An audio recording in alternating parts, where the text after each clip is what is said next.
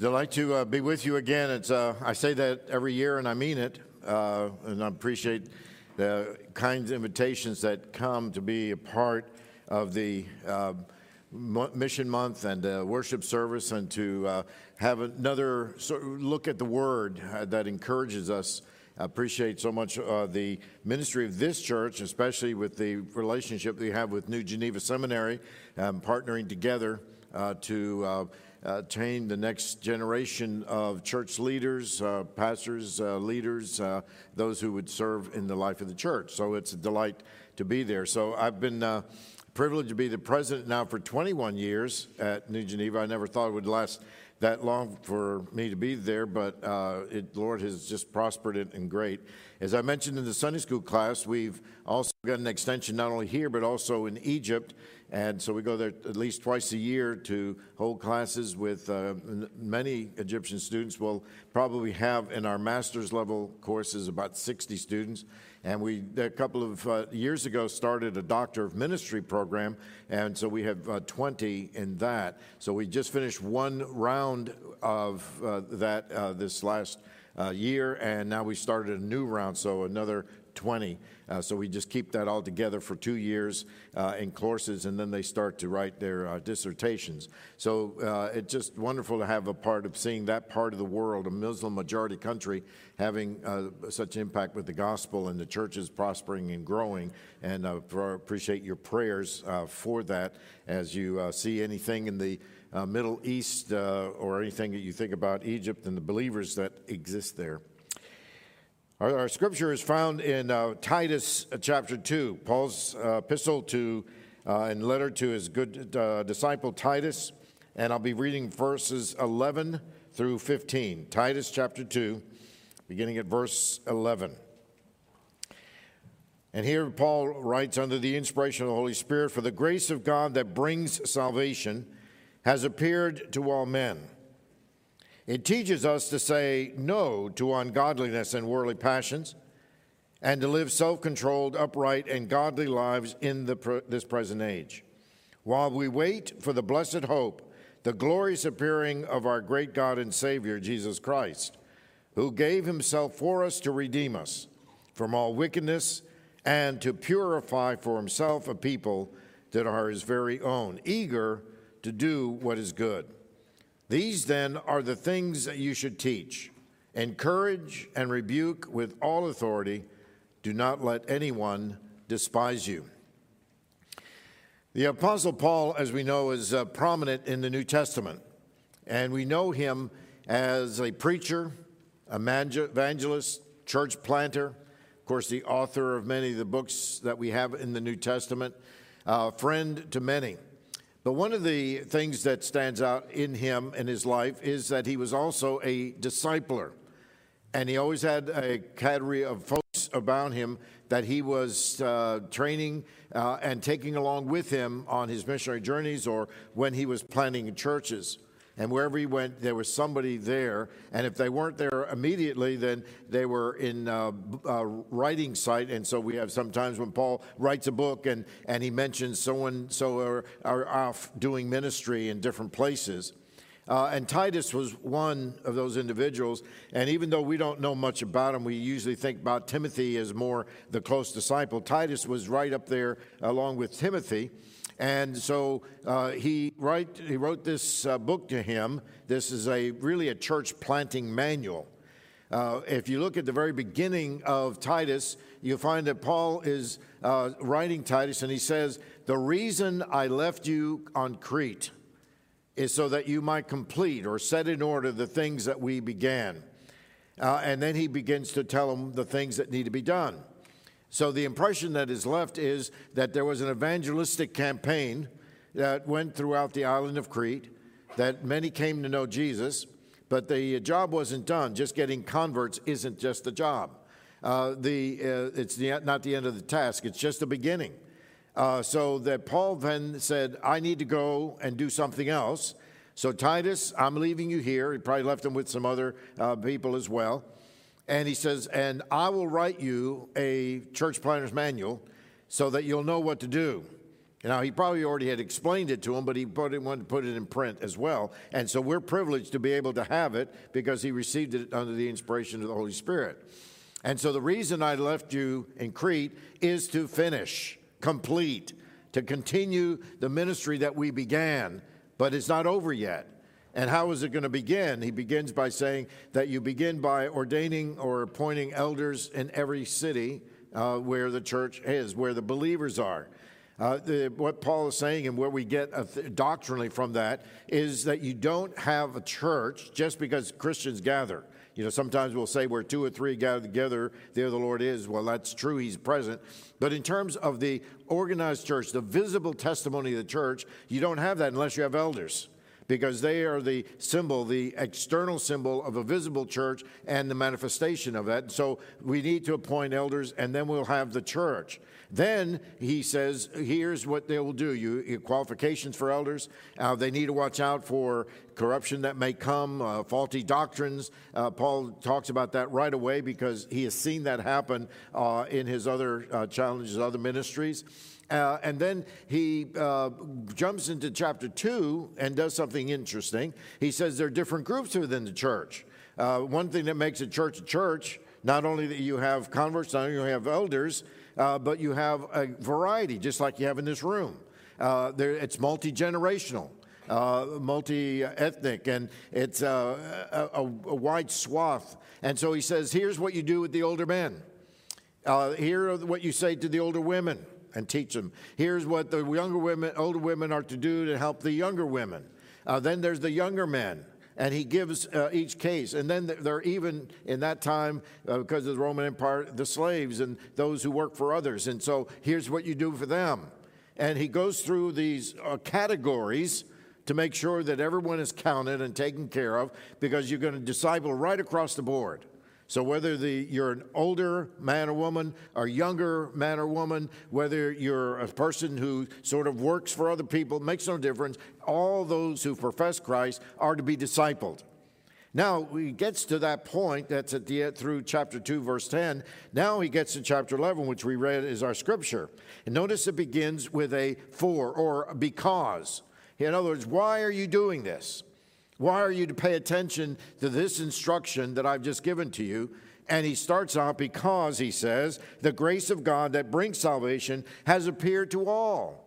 So, all people, that is, uh, it's gone abroad. And it's just uh, uh, appeared. And so he begins to talk about now the grace. In other words, the basis of ministry, basis of our evangelism, our basis of our mission is always starts out with God and the grace that he gives. The reason why we church plant is because the grace of God has appeared. Okay? And that's the principle that he gives to us here.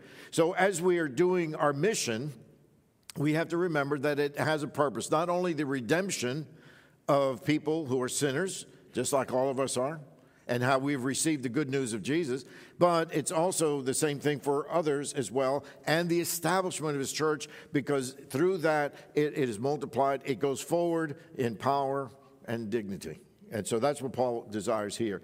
So let me just mention a few things from these few verses that may uh, help us and encourage us as we're considering what God does with this organization, this visible testimony of His uh, goodness and grace, uh, as it sends others out, and maybe even some of you are sent out, or what you do just across the street as well as around the world. The first thing I want you to see here is the manifestation of grace, because the focus here is on grace. So listen again, verse 11. For the grace of God that brings salvation has appeared for all men. The word appeared there is the word that gives us our English word epiphany. Something is magnified, something is manifested. Uh, there's light, and that's part of the theme of this conference, isn't it? That light breaks out and disperses the darkness. And so it, the grace of God appears now, we usually, when we think about the grace of God, we don't think of it of appearing because we're thinking of it more about what it does. Uh, for by grace you have been saved through faith. And so that's the basis in which God works by a powerful, miraculous way spiritually in our lives to bring us to Himself. But here He's talking about it as something even grander. It's manifested. It, it, there's the epitome, uh, the epiphany, and a glorious thing that shows up. So you think about how, how does that grace appear? It appears, of course, in the person of Christ. Uh, because Christ came, that was an act of God's grace and his goodness to us. And so it, it, there's the epiphany. Uh, isn't interesting, especially when you talk about the contrast of light and darkness, that it was uh, in uh, Matthew, uh, I mean, the Luke account of the uh, birth of Christ, that when Christ was born in Bethlehem, that, uh, uh, that the angels, shepherds were out in the fields watching their sheep and keeping watch over those things. And it was dark because they didn't have street lights, they didn't have any ambient lights even from Bethlehem. And so it was dark. And, and in the midst of that darkness, all of a sudden, one angel appears.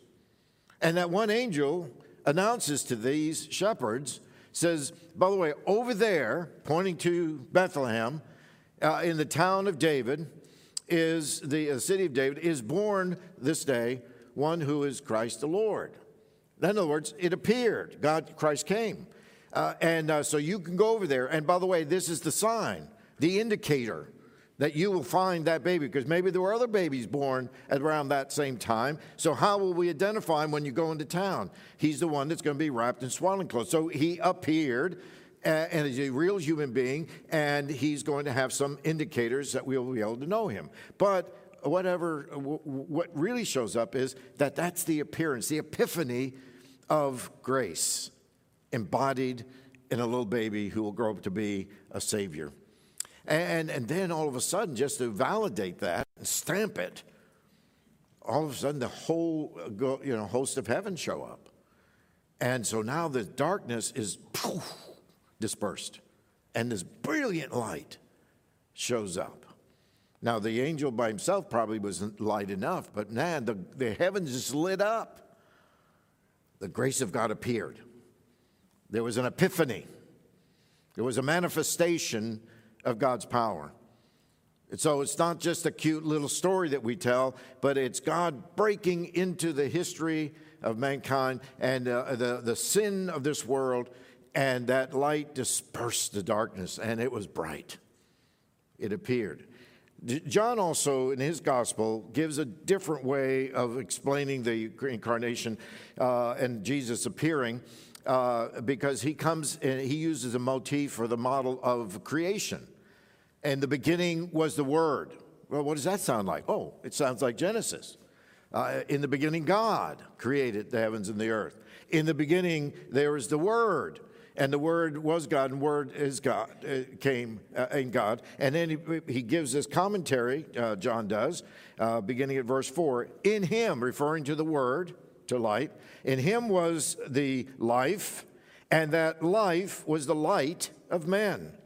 The light shines in the darkness, but the darkness has not understood it, can't comprehend it, left to itself. But what was that light that appeared? It was the light of Christ, the life giving light. And later on in John, John 8, Jesus will then make the declaration I am that light of the world, and I'm the one who gives life. And if that wasn't clear enough, in John chapter 3, after speaking with Nicodemus, just after the verse that most people can quote, even if they don't know the Bible much. You know, for God so loved the world that he gave his one and only Son. Okay, verse 19. This is the verdict, or this is the judgment. This is the declaration, John is saying. Light has come into the world, but men love darkness instead of light because their deeds were evil. Everyone who comes evil, uh, does evil, hates the light and will not come into the light for fear that his deeds will be exposed. You know, when do most people do a lot of their stealing and robbing? It's in darkness, isn't it? They want to, the, the cover, they, they don't want to be exposed. No, Jesus comes, there's that splashy epiphany of God and His grace magnified, he says. And it goes on here to finish. Everyone who does evil hates the light uh, for fear that its deeds will be exposed. But whoever uh, lives by the truth comes into the light so that it may be seen plainly that what he has done has been done through God. So the light is absolutely necessary as part of God's creation. So it's a gift of God that this happens. Isn't it wonderful to even think about that? So the manifestation of grace, it's not just a theological theme, it's not just not a biblical word, it's also an action of the brilliance in the, of God's light, where it uh, confronts us with the darkness of our own hearts and the darkness that's in this world.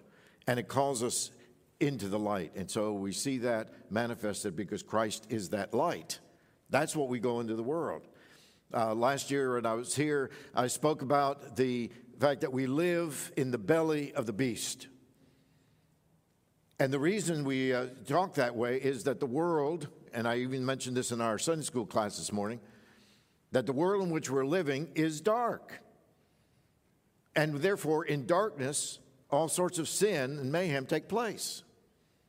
And when that happens, uh, we get frightened. But if we're living in the light, what are we doing? We're walking in the grace of the Lord that has just splashed into our lives and has taken us out of darkness and brought us into the light so that we can see what is true. And then he continues to give us that light because the word was also given. God continued to explain it to us. And so it says that the word is light. Psalm 119, you know that, right? Uh, that the light eh, your word is a light to my path and to my feet. God shows us himself. So when Paul says here, the grace of God that brings salvation has appeared, he's talking about Jesus, he's talking about the word and this grace, this goodness of God that comes to change and transform us. So, the first thing he's saying, why do you do all this stuff and all these organizational, structural things for the church planting? Because the grace of God has appeared. The epiphany. God broke into history, and he breaks also into our lives. Well, but there's more. And uh, not only is there manifestation, but there's also the motivation of grace. Notice what he says here in verse 12.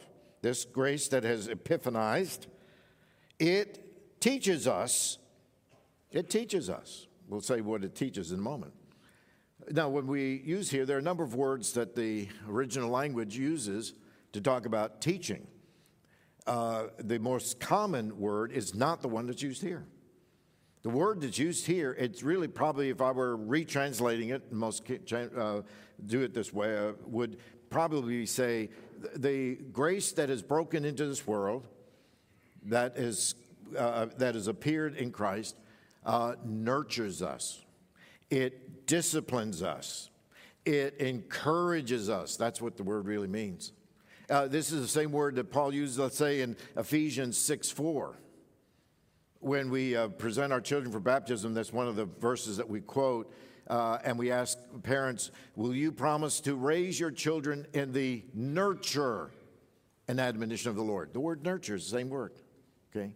Uh, we get our word pedagogue from this. So if you're a teacher, uh, you probably had to take uh, courses on pedagogy, which is how do you take the things that are needing to be taught and you use some kind of method, uh, and it uh, refers to, it gives even for the first part of it, petty, to walk, to walk through something, to understand something, to grow in understanding of it. And so it's nurture. It's a, a discipline. Now, when we use the word discipline, our minds usually immediately turn to something that's negative. And especially if you're uh, Christian, uh, you, you think about child misbehaves, and you'll say, uh, that's not good, and you may start with uh, timeout. Okay, sit down, or go to your room. Uh, maybe you have to apply some other kind of measure of uh, discipline. And uh, when we use it in the life of the church, we're thinking someone has sinned and committed some great offense. And so, do we practice discipline? In fact, it's one of the quote marks of the church. But we normally think about it as because we've done something wrong. But look, the word itself starts out positively. Because what it really means is to nurture, to encourage, to grow, to develop. Uh, it uh, means to hone. uh, it comes also from a background of how do you, to, you make an arrow. You take a twig or a branch off the tree and you want to make an arrow, and so you take your knife and you whittle it down to a very fine point and shape it so that you will be able to put it on a bow and shoot it and get to mark, to get hit your mark. And maybe if you're uh, hunting game. And so you want a sharp thing. So to sharpen, that's what you're doing. So grace motivates by sharpening us, encouraging us. It doesn't necessarily mean, because I'm going to slap you upside the head, which is usually what we think. No, discipline is how God works with it. Now, God does use that, but even positively, same words used in uh, Hebrews chapter 12 where it says that Lord disciplines those whom he receives, every son whom he has. So, evidence of God's love for you is that he is sharpening you, encouraging you. And he uses grace as that way. So, this grace that has appeared not only is an epiphany, not only is it brilliant, but it also motivates us to do the things that are pleasing uh, to God. Why? Because we need uh, the encouragement only grace can do. So, grace is an encourager. It teaches, encourages, helps you out in all things uh, in your life. It, it's so wonderful when we see that. So it's not just the, it's not only the means of salvation, which we can't, it, it does that, but that then becomes encouragement too, that it's not our works, but the work of Christ. So it's a manifestation, a brilliance that breaks into the scene. It's an instructor, encourager, that helps us to accomplish the purposes that God gives to us. And by the way, it, it means then that as we're doing our works, notice at the end of uh, verse uh, 14, it says, eager to do what is good. Uh, it's interesting, it's in the book of Titus more than any other of Paul's writings that he uses this concept of good works or good because he's seeing it as a fruit of the effects of grace in our lives. Sometimes in Protestantism, we're focusing so much on justification by faith alone that we're afraid to talk about the importance of doing good, and we'll see that in just a moment. But it's onto good works that we are giving the evidence of it. You plant a seed, a fruit seed, and you hope for the tree to, or the bush to come up, and you want to expect fruit from it. That's what we're talking about here, and what Paul's talking about. All right? So it teaches us it, it, it, it's epiphany, uh, it's manifesting, it's brilliant. It teaches us, that is, it in, nurtures us uh, so that we're growing in grace. And then what does it teach us? Here we have the morality of grace. Isn't that an interesting way to put it? You ever think when grace? No, grace is just what God does. No, grace, member, is instructing, nurturing us. In what way? For the purpose that we will reflect who He is. And how will we reflect who God is? There are moral principles. So the morality, uh, the morality is, is here. And he says this it teaches us to say no uh, to ungodliness and worldly passions and to live self controlled, upright, and godly lives in this present age while we wait for the blessed hope. So there's a present tense and a future tense. That right now, in this period of time, grace is doing its job of building us up encouraging us, whittling us, honing us, sharpening us, so that we can live faithful lives now. And that's part of the uh, morality. So when we think of it that way, though, we, we think, uh, oh, that's uh, you, grace. How do, how do you get better? How do you act? Grace helps you with that through the Word. Because it's in order that we might become like Jesus. Look at verse uh, uh, 14. It says here, uh, who, referring to God the Savior, who gave himself for us to redeem us from all wickedness. See, he, he, there is a redemptive side, and also to purify for himself a people of his very own. Let, let me put it this way because this is very critical. Because, again, I think Protestantism, evangelicalism has missed this point because we're afraid of talking about good works. And by the way, notice what I'm saying. I'm not talking about how to be moralistic talking about how to be moral. And by being moral, I mean you're going to look like God. You're going to be conformed to Him. You're to be holy as God is holy. That's the standard. And so, what does He do? The God who gives grace along with that grace, also has his own moral or holy character built into it. So grace doesn't come without God's life and God's purity and holiness. It's wrapped up into it. So that grace, which encourages us to teach things, is, is pointing us that direction. And notice it does two things there's the taking off and putting on. Now, how he puts it here in verse 12 it teaches us, you know, first to ungodly and worldly passions. That's number one. So let me summarize it this way we are to renounce what we're doing, what we have done. What we used to be, we're no longer. That's part of the gospel message that Jesus is not only interested in redeeming us, in, uh, he doesn't keep us in sin, but from sin. We renounce it because we're going to do something else. We're going to announce. And what is the announcing? To live self controlled, upright, and godly lives in this present age, right now. And so when we talk about uh, the expectation of Christians, how are you to live your life? Uh, and someone is going to say, well, they're, they're giving me a list. Notice he doesn't give a list here. Do you notice that? There's no checklist here for that morality. The, the principle, he gives the broad principles. Because the affection, here's what we're talking about the heart, the affection that you're to have is the affection of your heart where you renounce this and announce this. I used to do this because that's where I was born in uh, sin and it had that control on me. And now I announce these things because my affection is not turned to Christ. That's the, what he's talking about. And so there, we, where we come out of, whether we like to think of it or not, we all come out of ungodliness uh, and worldly passions. That's where we came from. And it's still there. Some of these things linger. We're never going to be perfect. It's in this present age that we're sort of always renouncing, announcing.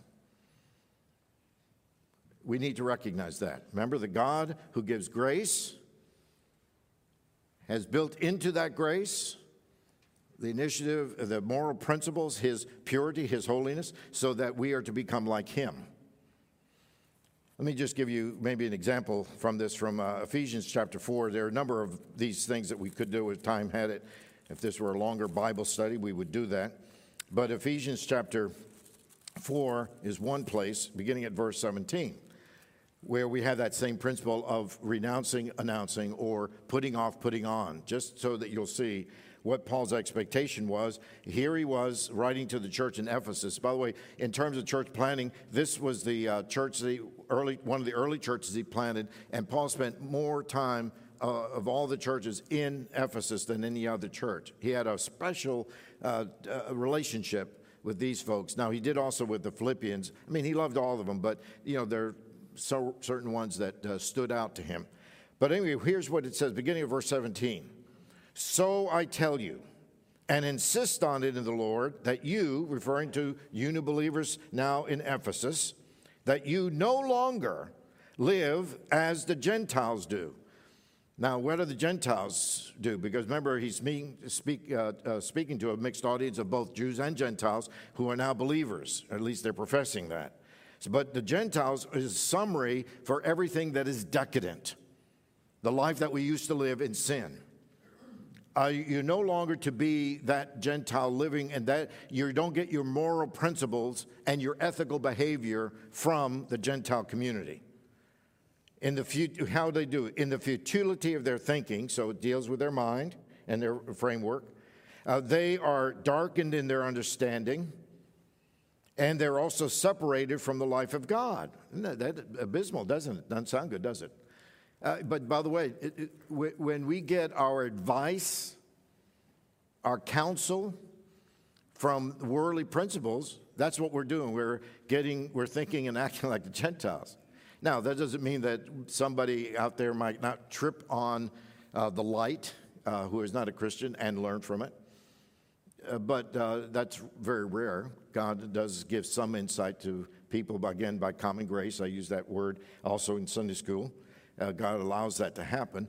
Uh, but in reality, the whole orientation is darkness. So that's what you used to be. So don't trust that. Verse 19, having lost all sensitivity, they have given themselves, as we're still referring back to the Gentiles, to, er, to all sorts of uh, sensuality, so as to indulge every kind of impurity with a continued lust for more. So the world's standard, you see it in the news, you see it in movies and literature, music, is to do your own thing, please yourself, you're the center of the universe, and however you choose to behave uh, is perfectly fine. And Paul is saying, no, it isn't. And so this is where we get into that area where people say, oh, he's starting to give us a list. You know, you're not going to get a list from me, and you're not going to list from Paul. It's going to be an attitude of the heart because this is where he's aiming. So, what does he say, verse 20? You, however, you believers, did not come to know Christ that way. The darkness doesn't lead you to Christ. Only the grace that has appeared in the darkness and dispersed it leads you to Christ. And we were taught, uh, surely you heard of him, and were taught in him accordance with the truth. Remember, truth and light go to, hand in hand. That is in Jesus. You were taught, verse 22, with regard to your former way of life, to put off. That's renouncing. You're taking off the old clothes and you're putting on the new. You remember what happened with, uh, with, with uh, uh, uh Lazarus? Lazarus was dead, and they did the proper burial for him. And the proper burial was to wrap him up in certain cloths. They washed his body with spices and so forth. And so that was a sign of death. He was a dead body. When Jesus called him out of the tomb, what was on? He was wearing all of the garments of death. And the first thing Jesus says when he walks out is, Take those off of him. He is alive. Put on the right clothes. Take off that which is death and a symbol of it, and put on that which means that he's now alive. Okay?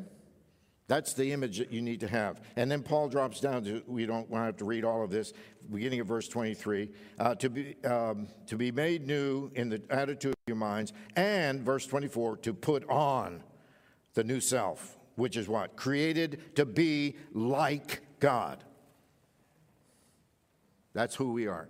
Our affections used to be here, and now our affections are over here. We renounce it, we put it off. We announce and we put on. I love the, the, the Jesus in teaching this.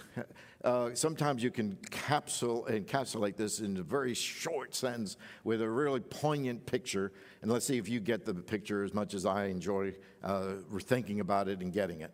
In Luke uh, chapter 17, Jesus is talking about a number of different things about warning, about uh, terror that's coming, and, and how we live our lives in this world, and all that.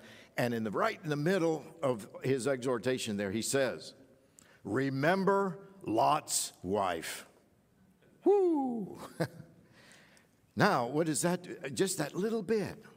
Okay, so you, you're a good uh, Hebrew and you get, get your scroll out, get the Genesis scroll out, go to chapter 19.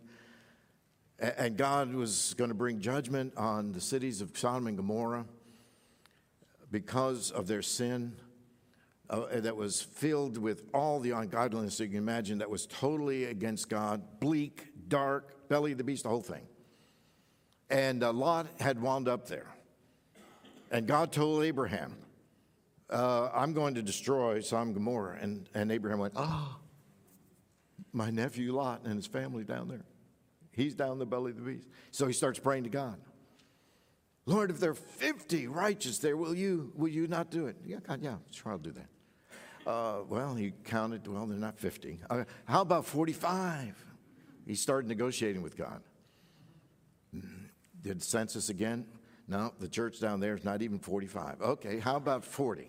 And he got him down to 10. Is there a church in Sodom and Gomorrah with 10 members? With the, with the righteous, will you do something about it? Yeah, I'll do it for 10. And by that point, and I, this is a phrase that I use, by the way, in a number of different things, I hope it'll be helpful to you. Whenever there's something that happens that we just can't understand and we can't hold it God accountable because that would be wrong, he, he knows what he's doing. Finally, Abraham says, Will not the judge of the earth do right? Remember that. He'll always do right, even if you don't feel like it and you wonder where God's justice is. He will always do right. And that is how he settled his heart. Now, God then heard him, and he sent some angels down there to lead Lot and his family out. And one of the things that the angel who was escorting them out said, As we're going over this mountain, God is going to be doing some dirty stuff over here that's going to be the fire and the brimstone because he's showing judgment against all the evil that was in that place. And when you hear it, do not, do not turn around. Let God take care of it.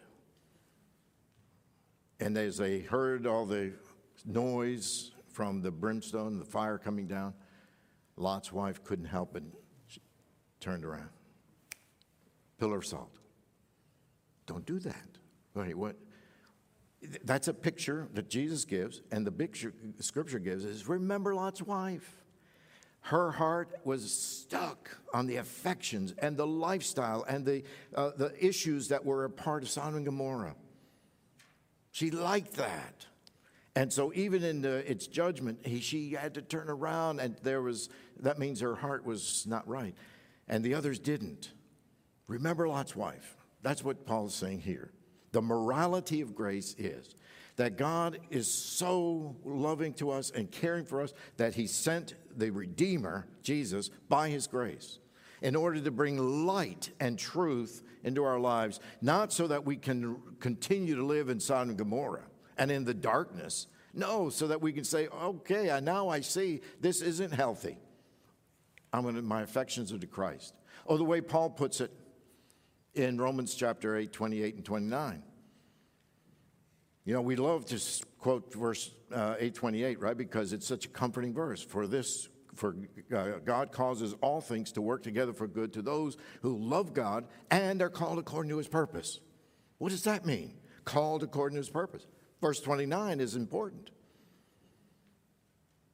Because God purposed that for those whom he foreknew, he predestined to become, here it is, conformed to the likeness of his son what is the likeness of Son? It's everything that's contrary to what the world is, what Sodom and Gomorrah is, whatever your lifestyle was before.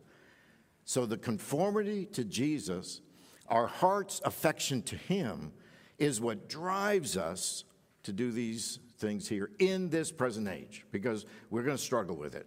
And the scripture is honest. That's the whole doctrine of sanctification, which we don't have time to unpack here. But you, you, we know that we wrestle with it, but we start out with making sure that our affections are not stuck in the past.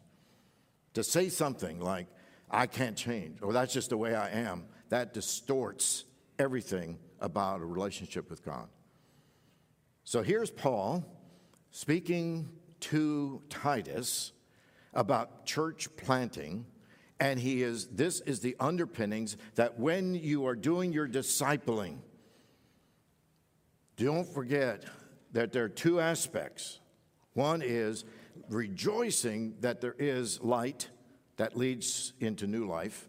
And secondly, that I don't have to swim in the cesspool anymore. I've been taken out of that. And while I still may wrestle every so often, you know, taking a glance over here, my heart's set this way. And that's what gives me my hope.